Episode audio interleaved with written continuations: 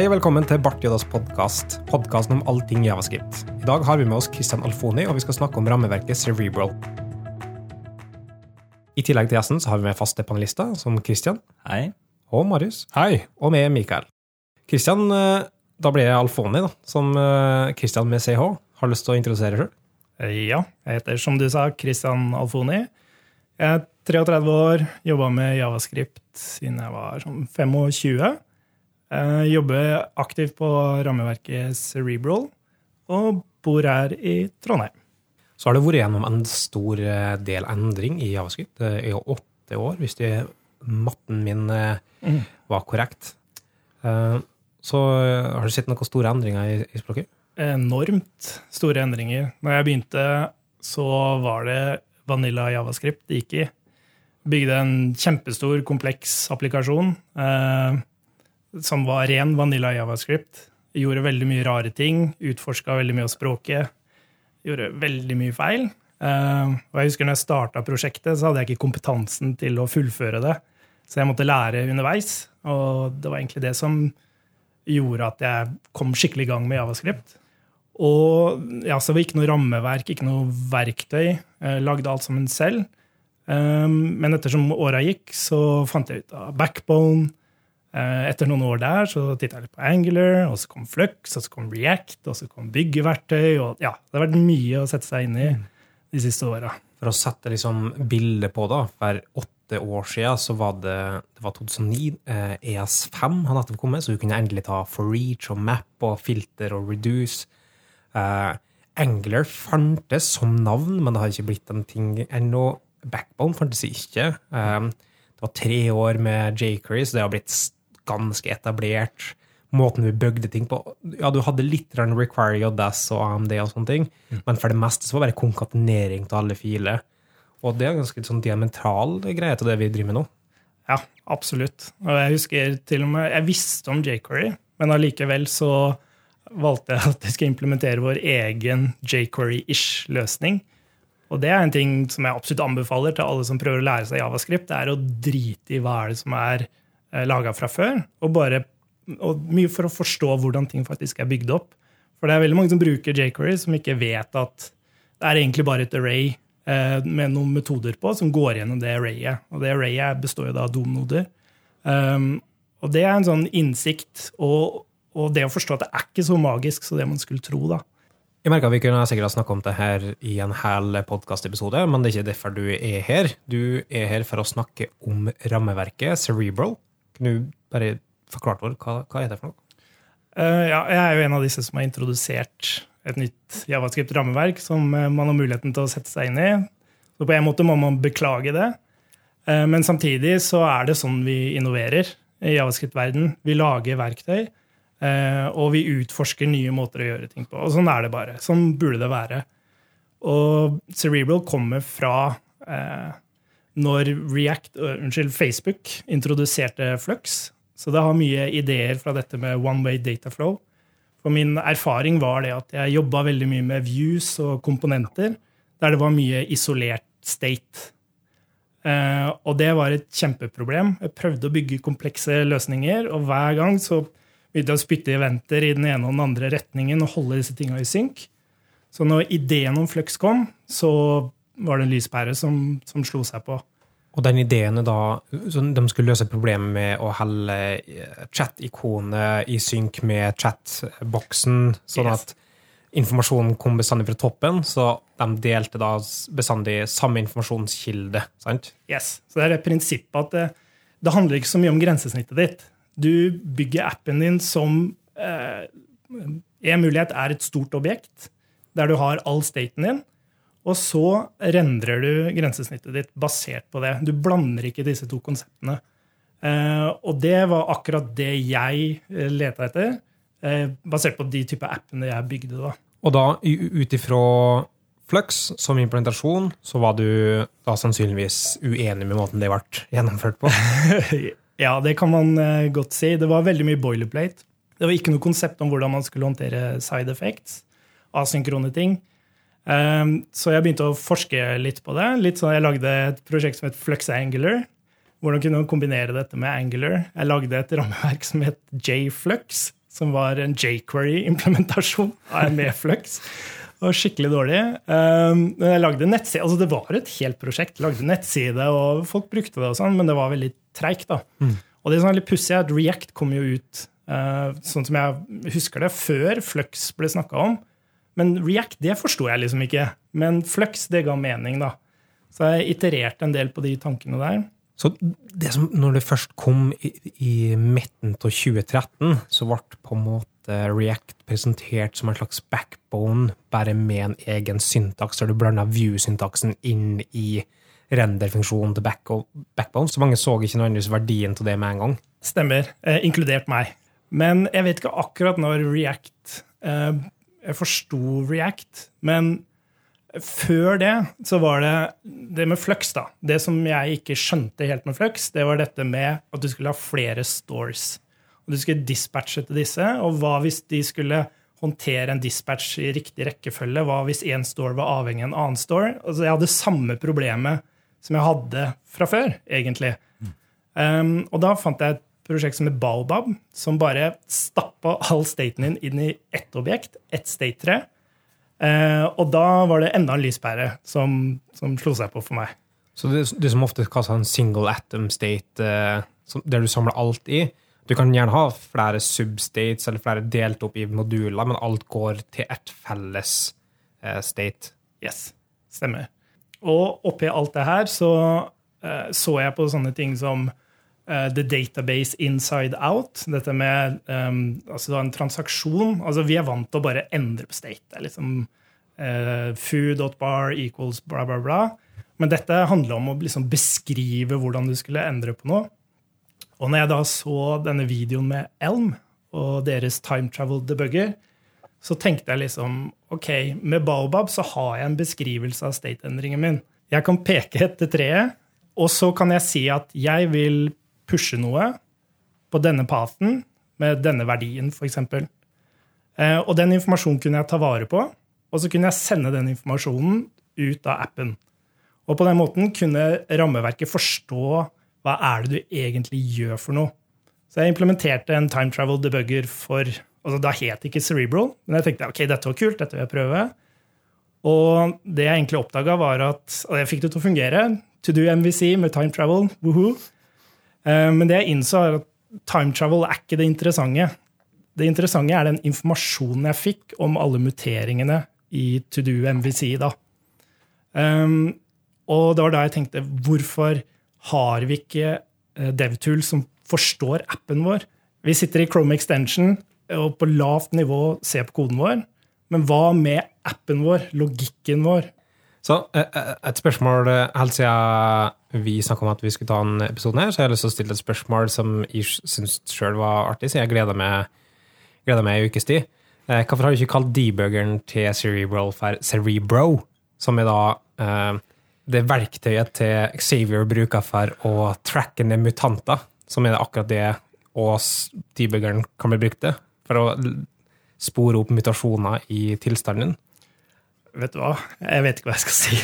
Det er, eh, jeg skulle ønske jeg hadde mer filmkunnskap. Men det er faktisk fortsatt, vi er, vi er, akkurat nå i beta, så det er fortsatt rom for å endre på det navnet. Vet du hva? Jeg skal, jeg skal, gjøre det. Jeg skal sende en pull request ja. med Cerebro. Enda bedre, send en pull request. Bra, da skal vi, skal vi gjøre det etterpå.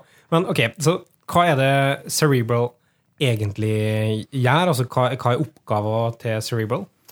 Eh, oppgaven til Cerebral er egentlig å håndtere alt bortsett fra grensesnittet ditt. Ideelt sett så eh, lager du stateless komponenter så langt det går. Vi trenger fortsatt stateful komponenter. Vi gjør mye komplekse UI-oppdateringer og sånn. Eh, men poenget er at komponentene skal bare si 'hei, dette skjedde'. Og så tar Cerebral over, og så håndterer den alle state-muteringene, men også sideeffektene dine. For det er også en ting som mangla i Flux, som jeg nevnte tidligere, at det, altså asynkront og sideeffekter, eller side effects, det er det som er vanskelig i app-utvikling. Det er ikke selve muteringene. Så det har vært et sterkt konsept hele veien. Og det var den store utfordringen med debuggeren. Det var å finne ut ok, det er lett å tracke muteringer, men hvordan tracker vi denne flowen av endringer og sideeffekter? Det er jo et par andre som har prøvd seg på den typen eh, flyt av informasjon og visualisering av det. Jeg tror f.eks. Cycle JS har en, altså en, en, debugger med visualisering. Er det eh, tilsvarende at du ser hele flyten av applikasjonen din med tilstand og sånn?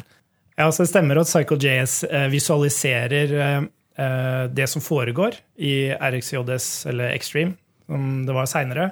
Men dette er med transformering av verdier. Du sender inn en verdi, og så transformerer du det til en annen verdi. Men det er egentlig ikke det vi gjør på fronten. Det vi gjør på fronten, er at det skjer noe i appen din, og så vil du at det skal skje eh, mange forskjellige ting. Du skal ha flere state-muteringer etter hverandre. Det skal skje noe asynk, du skal gjøre noen sideeffekter. Og alt dette eh, mener jeg, er viktig å få fram eh, visuelt. For det handler om å bygge opp dette mentale bildet.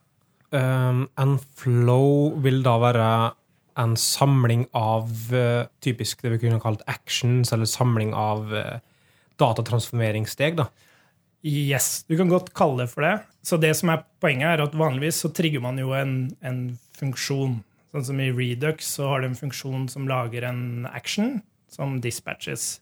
Uh, men i Cerebral så Etter Cerebral 1 så um, var det på en måte et eksperiment, dette med signaler, som vi kaller det for. Uh, og det ble gjort om til et prosjekt som vi kaller for Function Tree. Og poenget der er at istedenfor at du trigger en enkelt funksjon, så trigger du en flow av funksjoner. Og måten du beskriver disse på, det er deklarativt. Og det er det som er så fint med funksjonell programmering, er at du kan beskrive hva du vil skal skje i appen din, uten å faktisk kjøre det. Og det er på en måte den hemmelige ingrediensen for å kunne klare å lage en debugger som Cerebral har. Da er det en eh, liste, en nøst, potensiell nøsta liste med høyreordensfunksjoner som definerer en workflow, da, sannsynligvis? Helt, helt riktig. Um, og så har du muligheten til å diverge uh, executionen, det blir et mm. engelsk uttrykk. Um, så du trenger ikke nødvendigvis å gjøre bare den ene etter den andre. Men du kan beskrive at eh, her vil jeg, basert på resultatet av denne funksjonen, så vil jeg gå ned denne retningen. Mm. Hvis du returnerer et promise fra en av disse funksjonene, så vil den holde execution av det signalet eh, fram til den har resolva seg, og så kan du da velge hvor du vil gå ned. Det som er vanskelig eh, å beskrive med Cerebral, det er så visuelt. Eh, det er veldig vanskelig å beskrive selv om koden hjelper deg til å forstå denne flowen. Fordi alt skjer i én fil. Hele flowen din. Og det kan bli ganske store flows. Um, men det er visualisering av det som gjør det spesielt. Og det er vanskelig å sette ord på hvordan debuggeren ser ut, og hvordan det hjelper deg. Så det er en av disse tinga du på en måte må eh, Du må see it to believe it, på en måte. Men, men, det betyr potensielt at du kan serialisere hele tilstands... Altså flyt, og så kan du potensielt eh, persistere dem på en måte og ta dem opp igjen og gjenspille og osv. Yes, så fokuset har hele tiden vært debuggeren. Og folk har forskjellige ting de prøver å få til med forskjellige rammeverk. Men det som er driveren til Cerebral, det har vært debuggeren. Hvordan kan vi bygge det mentale bildet av appen din for deg? Og eneste måten å gjøre det på, det er at du må kunne serialisere eh, flowen i appen din. Og da er det visse restriksjoner for å få til det. Og vi kunne aldri gjort det med tradisjonell eh, imperativ kode. da. Du må gå funksjonelt, og du må gjøre det såkalt deklarativt. Så du beskriver eh, Du sier liksom ikke array.push, fordi da kjører du koden, men du sier heller push, og så peker du til arrayet og verdien du har tenkt til å pushe inn. Da. Så, så en vanlig formulering er vel kanskje at um, med deklarativ kode beskriver du hva du ønsker å oppnå, i stedet for hvordan du ønsker å oppnå det? Yes. Og tradisjonelt så har dette alltid vært relatert til å uh, få en input og produsere en ny, uh, en ny verdi. Det har ikke vært å beskrive hvordan appen din fungerer. Det har aldri vært relatert til sideeffekter. Og uh, løsninger som Elm og CycleJS, de liksom sideeffekter, det får vi ikke til. Uh, så det skyver vi uh, to the edge of the application og håndterer det som noe ekkelt og fælt. mm. Men problemet med det er at det da blir litt vanskeligere å lese koden, fordi du må på en måte gå i en loop. Så hver gang du gjør en state-endring, fører til en side effect. og så må du tilbake inn i stateret ditt. Ny side effect. Og Der har du løsninger som Redux Loop, for eksempel, som indikerer veldig sterkt hvordan flowen må leses. da. Og Jeg sier ikke at det er dårlige løsninger, jeg bare sier at det er vanskeligere å bygge det mentale bildet av hvordan appen fungerer. Men du ender fortsatt opp med en deterministisk tilstand, single atom state, på toppen, som representerer det komplette bildet av applikasjonen din? Yes. Så det er ikke bare flowen som man overfører til denne debuggeren. Det er også eh, all staten din. Så du utforsker det, sånn som du utforsker et objekt i konsollen i Chrome. Og der kan du peke og utforske, og du kan trykke på en spesifikk state. Du kan endre den i og se effekten av det i appen din, f.eks. For, for å få folk til å plassere det i eh, sånn sammenligningsgrunnlagmessig, hva slags type alternativ ville vært, og, og hva er forskjellen? i hele tatt? Det som er de to store løsningene nå, det er Mobex og Redux. Og det som er veldig interessant med de, det er at de er så forskjellige. Eh, Mobex representerer det enkle og det magiske. Eh, kanskje jeg kan kalle det litt sånn abstrakt radikale. Og så har du Redux, som er det forutsigbare, eh, boilerplate og konservative. Um, så hvis man kjenner de løsningene, så kan man plassere Cerebral litt mellom de to, egentlig. Det, ligner, det tar med seg ideene fra Flux, og man kan si det ligner mer på Redux enn det det gjør på Mobex. Uh, men det er uh, langt mindre boilerplate, uh, og så har du denne ideen om å ikke bare analysere muteringene dine, sånn som, sånn som det skjer i Redux, men også flowen, altså alle sideeffekter osv. Men Cerebral er noe som har eksistert eh, i Jeg tror jeg så det første gang i 2015, kanskje? Så det har holdt på en del år? Det en stund. Det blir vel ca. tre år nå rett etter sommeren. Og da Det var for, faktisk fordi jeg skulle flytte opp hit til Trondheim. Så slutta jeg jobben min et halvt år før vi skulle flytte.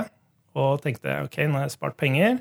Snakka med dama først. Eh, fikk tommel opp og sa ok, nå er jeg hjemme et halvt år. Og kaste meg inn i status quo. Eh, og heldigvis så var status quo, eller starten av den nye status quo, var React og Flux og Webpack. Var du ute før Redux, eller? Ja, det er litt sånn Jeg husker den presentasjonen til Dan Abramoff på React Conf, der han viste uh, reducer-konseptet sitt og time travel. Og mm. folk sto nærmest oppreist og klappa. Uh, og da var det jo litt sånn Ja, men jeg har jo, jeg har jo bygd sånn time travel, jeg også. Ja. Uh, når det er sagt, så hadde jo, det handla jo ikke om time travel. Det handla om dette forenkla flux-begrepet, og det ble jo uh, de facto standarden. Redux i flux, og det var jo kjempe, kjempebra. Men prosjektet starta før Redux, Redux fantes. Husk på at Redux er egentlig ganske nytt. Altså, det er sent til gamet. Det var, ikke, det var mange forskjellige alternativer på den tida som gjorde akkurat det samme. Men det, du klarte å selge inn et konsept mye enklere, og du klarte å selge inn til massen gjennom hele den React Europe-presentasjonen. Det var en ny konferanse. det var en ny... Uh, han begynte å få mye traction generelt gjennom hot-loadinga. Så, så det var sånn perfekt timing til at ting skulle ta av. da. Så hele den der uh, forenkla utgave til av Flux-algoritmer tok, uh, tok, av. Ja. Mm. Og det var jo kanskje det som var mest grensesprengende, var det at Dan Abramoff fant ut en måte å hot-reloade state-endringer på. Uh, og det, det, kan jeg si, det kan ikke Cerebral, men det har heller ikke vært et fokus. Uh, min erfaring er at hot reloading blir vanskelig når vi snakker om businesslogikk, fordi uh, vi har så mye side effects. Eh, at det rett og slett blir uhåndterlig.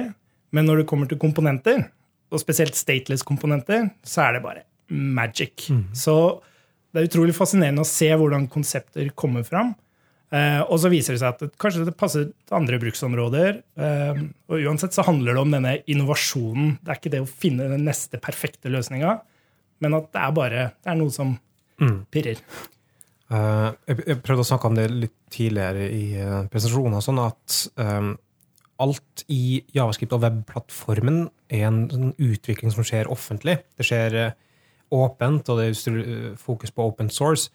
Sånn at mye av den utviklinga skjer, eller den sånn inkrementelle jobbinga skjer på, med fellesskap, da, på tvers av folkegrupper, på tvers av hele communityet. Så all den inkrementelle og utforskende delen av en eh, exploratory work skjer åpent, så derfor føles det ut som det er mer eh, ting å slite med enn andre, kanskje mer lukka plattformer. da. Absolutt. Du var jo så vidt innom eh, bruksområdet i stad. Har du et konkret eksempel på, på hvem, det vil, hvem Cerebral vil passe bra for, eller vil du påstå at det passer for alle? Eh, nei, jeg vil ikke påstå at det passer for alle. Det har mye med erfaring fra tidligere. Eh, jeg er helt sikker på vår eh, Angular-fan her ville fort blitt stoppa av eh, at vi brukte, bruker React, altså vi bruker JS6-syntaks. Og det skjønner jeg veldig godt. at ikke det, eh, det er ikke noe man liker å jobbe med. Så, og det er litt fascinerende, egentlig, dette, hvilke løsninger man velger. At det kan være sånne ting som påvirker om du velger det ene eller det andre. Um, men stort sett når det kommer til rammeverk, så handler det om eh, kompleksitet. Altså hvor stor er appen din? Eh, sånn som Cerebral sin To Do MVC er ganske stygg kode sammenligna med Mobex eller Vue.js f.eks. Men når du bygger en stor, kompleks applikasjon, så begynner du å se at det, det blir enklere å lese koden din eh, pga. måten ting er satt opp. Og det er, sånn, det er motsetninger. Og det syns jeg egentlig er litt irriterende å sitte på konferanser og se presentasjoner av nye rammeverk. At de bruker disse enkle eksemplene til å trigge folk, mens det er det komplekse som egentlig eh, er viktig. da. Men igjen, det er vanskelig å presentere. så... Jeg syns det er så ekstremt artig, bestandig eh, argumentasjon begge veier. da. Sånn ja, men Hello World her bruker du nå 40 linjer på å få til. Eller ja, se hva fin Hello World min er. Men jeg har aldri laga noen gang en Hello World-app. Det, har- det, det har ikke skjedd at de på en måte laga en Hello World-app, så jeg kan ikke bedømme verktøyet jeg bruker ut ifra hvordan Hello World ser ut. Mm. Det er ikke slik det skalerer. Jeg er helt enig. Um, og for å svare på spørsmålet, da. eh, Det handler mer om Hvis du tenker lite kompleks, ganske kompleks og veldig kompleks, så er det fra ganske kompleks og oppover. Eh, Det er der du får mest hjelp. Da, for det er der du har mest problemer med å bygge dette mentale bildet av hvordan ting henger sammen. Da. Så, men for å få det klart, det er ikke eh, fritt fra presentasjonslogikken. Så du har eh, det er tett knytta opp mot React, og du kan kun bruke det med React. Eh, godt spørsmål. Eh, man må ikke det. Eh, første Cerebral hadde faktisk støtte for Angular også. Eh, men vi hadde bare Det var flest som kom fra React. Eh, og man må ha en abstraksjon der som, som knytter Cerebral sammen med View-laget. Så det vi valgte å gjøre for å forenkle inngangsporten til Cerebral, var at vi leverer med, med React og Inferno-støtte. Eh, Og det er prinsippet det samme. Inferno er litt raskere. Men, men samme API-overflate og sånt. Samme API-overflate, eh, men det er litt raskere. Så det er litt sånn, Hvis du kjenner React, eller du ønsker stort økosystem rundt komponenter, så er det React. Eller hvis du har store behov rundt hastighet, så er det Inferno. da. Hva med ting som Preact, for eksempel? Eh, Det kunne Lag en pull request. Eh, jeg har lyst til å gå over til å snakke litt mer generelt om open source. Uh, før jeg gjør det, er det noen andre spørsmål rundt Cerebral som vi har?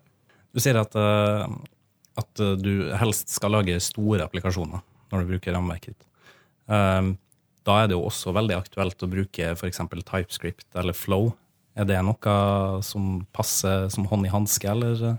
Og det som er viktig å eh, få fram Jeg skal ikke så preke eh, bare fordelene til Cerebral. En av bakdelene er at det var aldri tenkt eh, til å supportere et typesystem.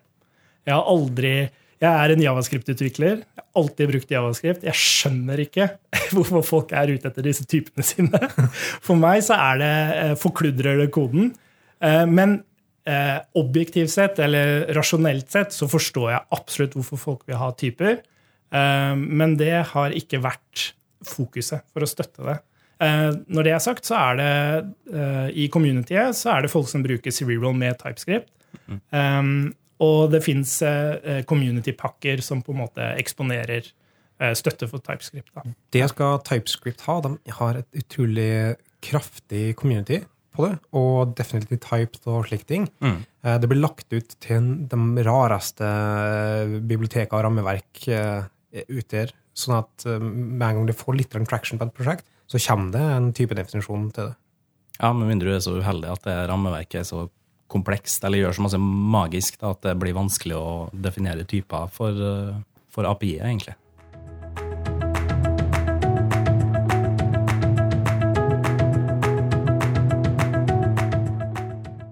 Så når jeg først har der, Kristian, eh, du er hovedutvikleren, eller altså den som, den som starta med Cerebral, og du er eh, main maintainer. Så du, det er du som driver liksom den daglige driften av det. Ja, flest commits. Flest commits. Eh, Hvor mange andre er det som er involvert i det? Eh, Det har variert litt. Det begynte med eh, en som heter Alexi. Og det var noe jeg syntes var veldig fascinerende. At en person som kommer fra et helt annet land, Russland i det tilfellet her, viste interesse for prosjektet. Man var veldig direkte. Og jeg var veldig usikker på om han bare angrep prosjektet.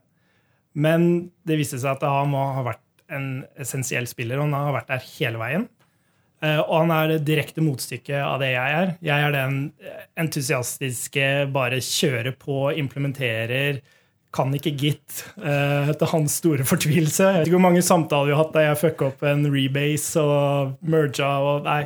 Han, han har vært helt essensiell, og det, da har jeg skjønt at det, skal man drive open source, i hvert fall på den størrelsen her, så er man avhengig av personer som er annerledes enn deg selv. Man kan ikke bringe alt til bordet. Og så har vi også hatt andre personligheter, annet en som heter Brian, eh, som kommer fra Florida.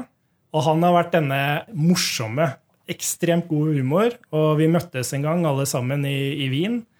Og han er litt sånn, han klovnen i gjengen. Og så har du Garth, som kommer, eller han er britisk, men han bor i Wien.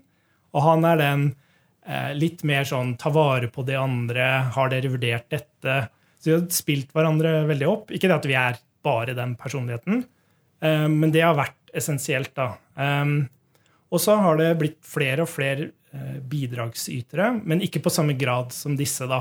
Eh, og Alexia jeg er hovedkode-contributors.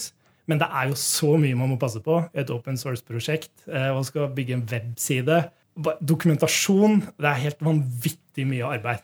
Det er mange som ikke tenker over at det er mange forskjellige måter å contribute til et open source-prosjekt, for det føles mye mer glamorøst å komme med kode eller features, helst. da.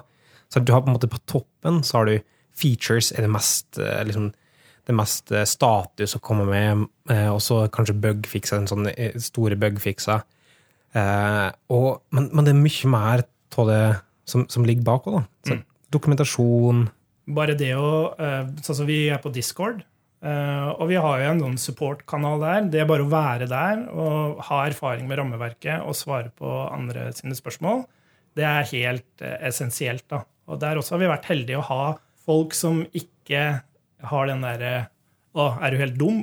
Hvorfor skjønner du ikke det her? De er utrolig ydmyke og flinke, liksom. Og det er ikke som man ansetter disse menneskene. Det er bare folk som dukker opp og viser engasjement. Og så er det bare viktig å være til stede mer enn annet. At ikke man er borte en måned. Da risikerer man at prosjektet dør. da. Hva, hva fikk deg til å bli interessert i open source-utvikling først? Åh, Det er et godt spørsmål. Det har vært veldig gradvis. Eh, Jeg tror det er litt sånn personlig greie. Jeg tror jeg har litt sånn behov for å vise at jeg er flink til noe. At det er noe jeg kan. Uh, Ikke at jeg sier at det jeg gjør, er nødvendigvis riktig og perfekt, men det er bare at jeg kan noe.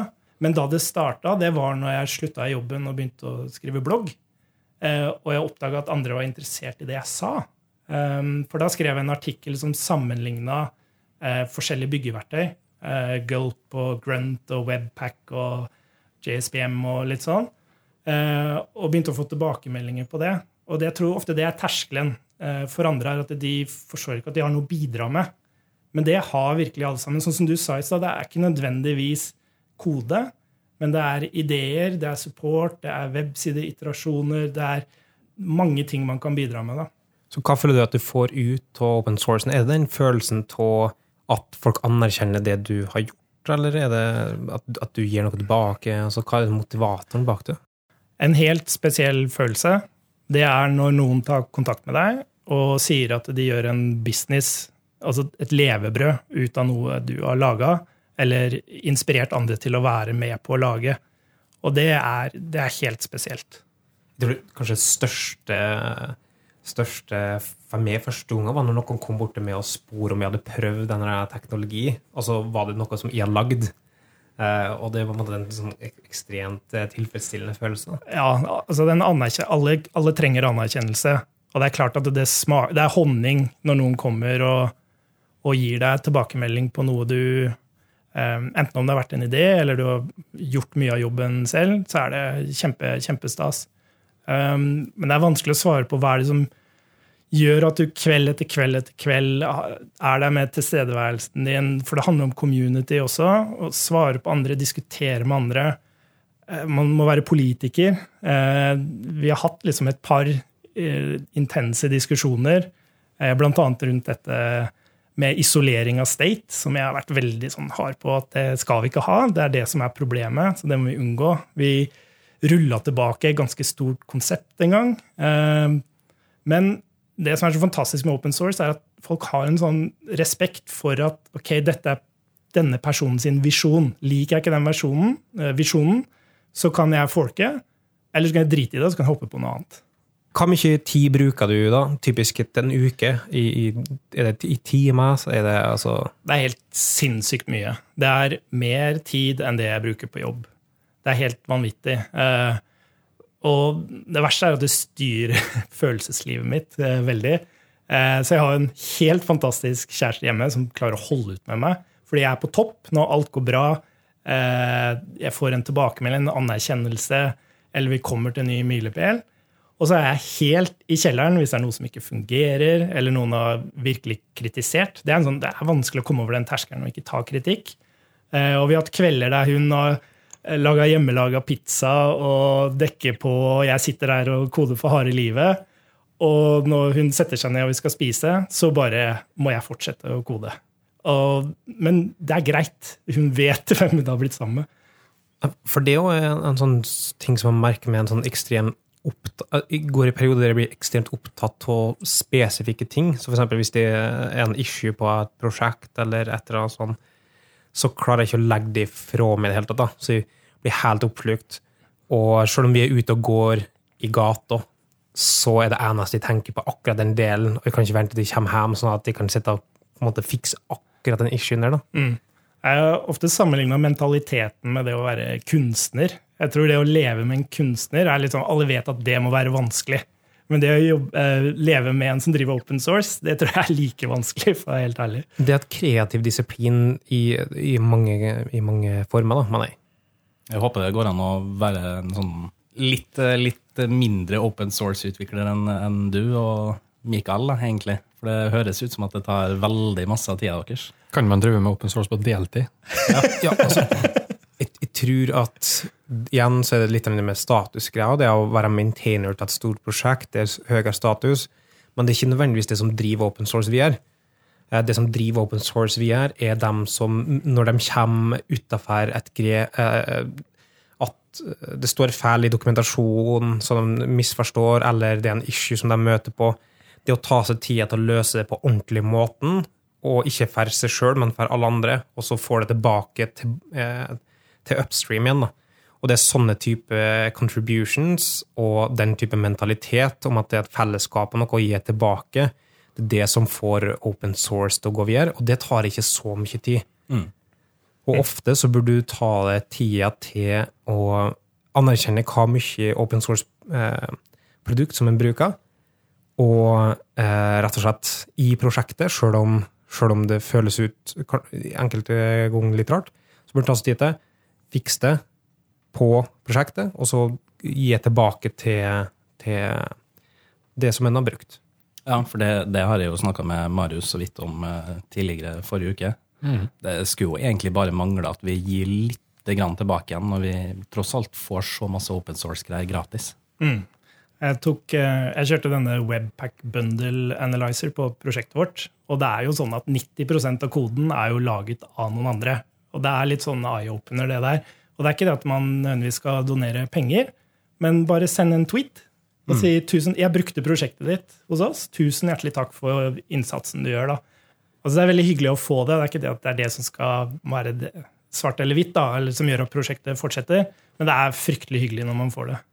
Jeg merker at det har vært ekstremt interessant å snakke på om open source, noe som både du, Kristian, og jeg kjenner sjøl engasjerer meg ganske mye om. Men jeg tenker heller vi tar en, en, kan ta en annen episode kun om open source, for hvis ikke så blir det altfor alt for mye for den her. Så jeg tror vi avslutter her, og går over til anbefalingene.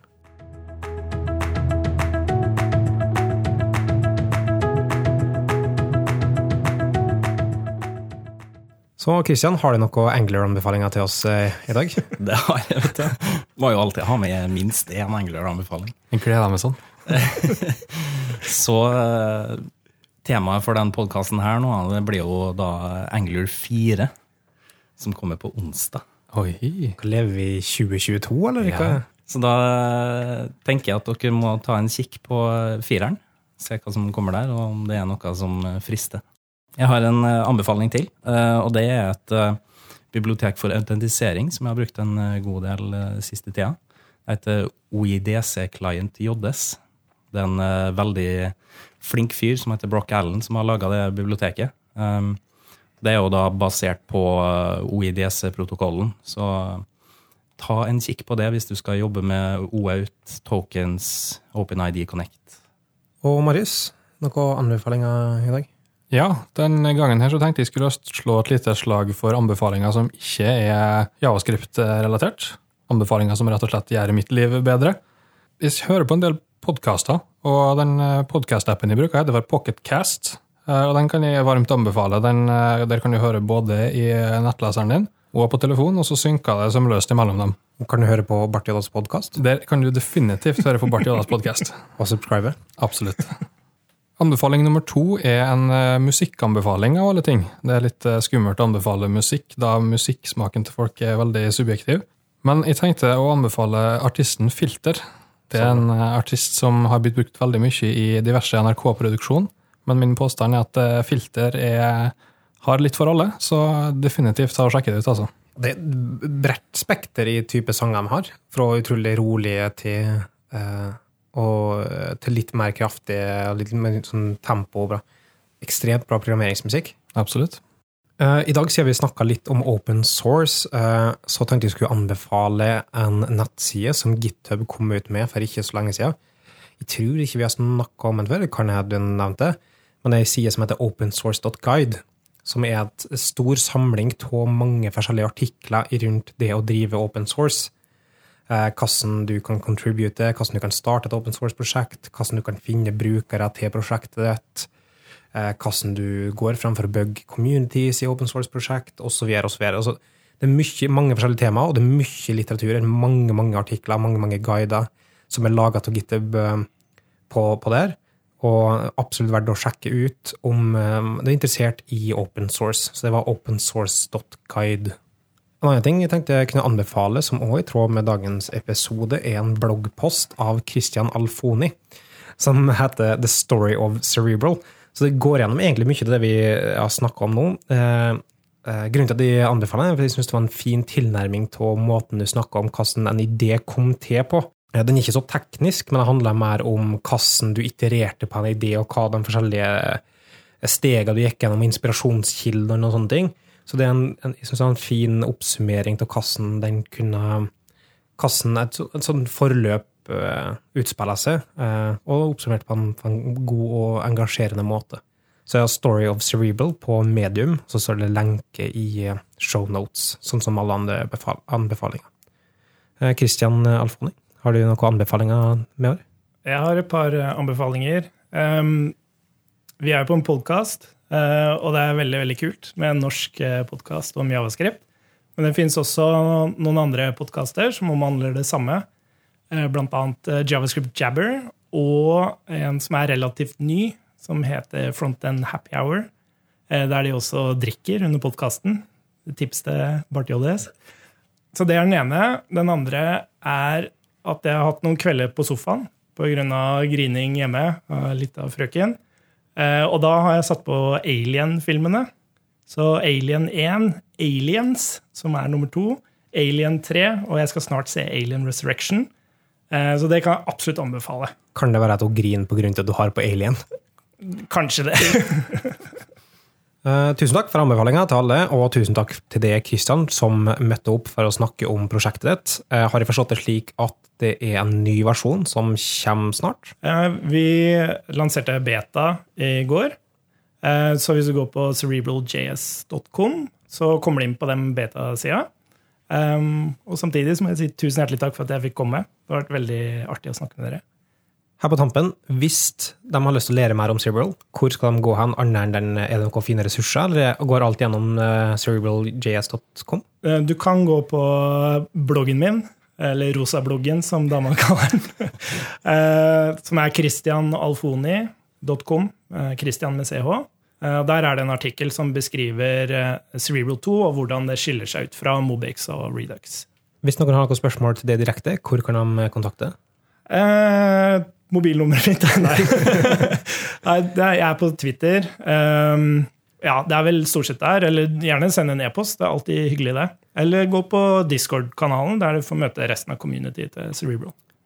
I tillegg så er du på Bartidas Slack-teamet, som en kan melde seg inn på, på slack.bartiodas.io. Kristian Tryggesa, hvis de skal kontakte deg, hvor kan de gå hen, og hvor mange x-er er det i brukernavnet? Nei, Da kan du kontakte meg på at larifax. Det er én x, to r-er. og der kan du nå meg både på Twitter og på Barti sin Slack. da. Og Marius, hvis det er noen spørsmål rundt produksjonen til Barti eller spørsmål til det spesifikt, hvor kan de kontakte deg? Da finner du meg som vanlig på Twitter med brukernavnet Krakels. Eller for å plugge Bartiodas Slack en gang til, så finner du meg der òg. Og vi kan kontakte på at Mikael Breivik på Twitter eller at Mikael BR på GitHub. På Instagram er jeg usikker på hva jeg heter. Gå på bartjodas.io, så har vi oversikt over alle episodene av podkasten, og vi kan skrive kommentarer der. Eller på slack.bartjodas.io, som kan chatte med alle her i panelet. Takk for at du hørte på. Så høres vi i neste episode.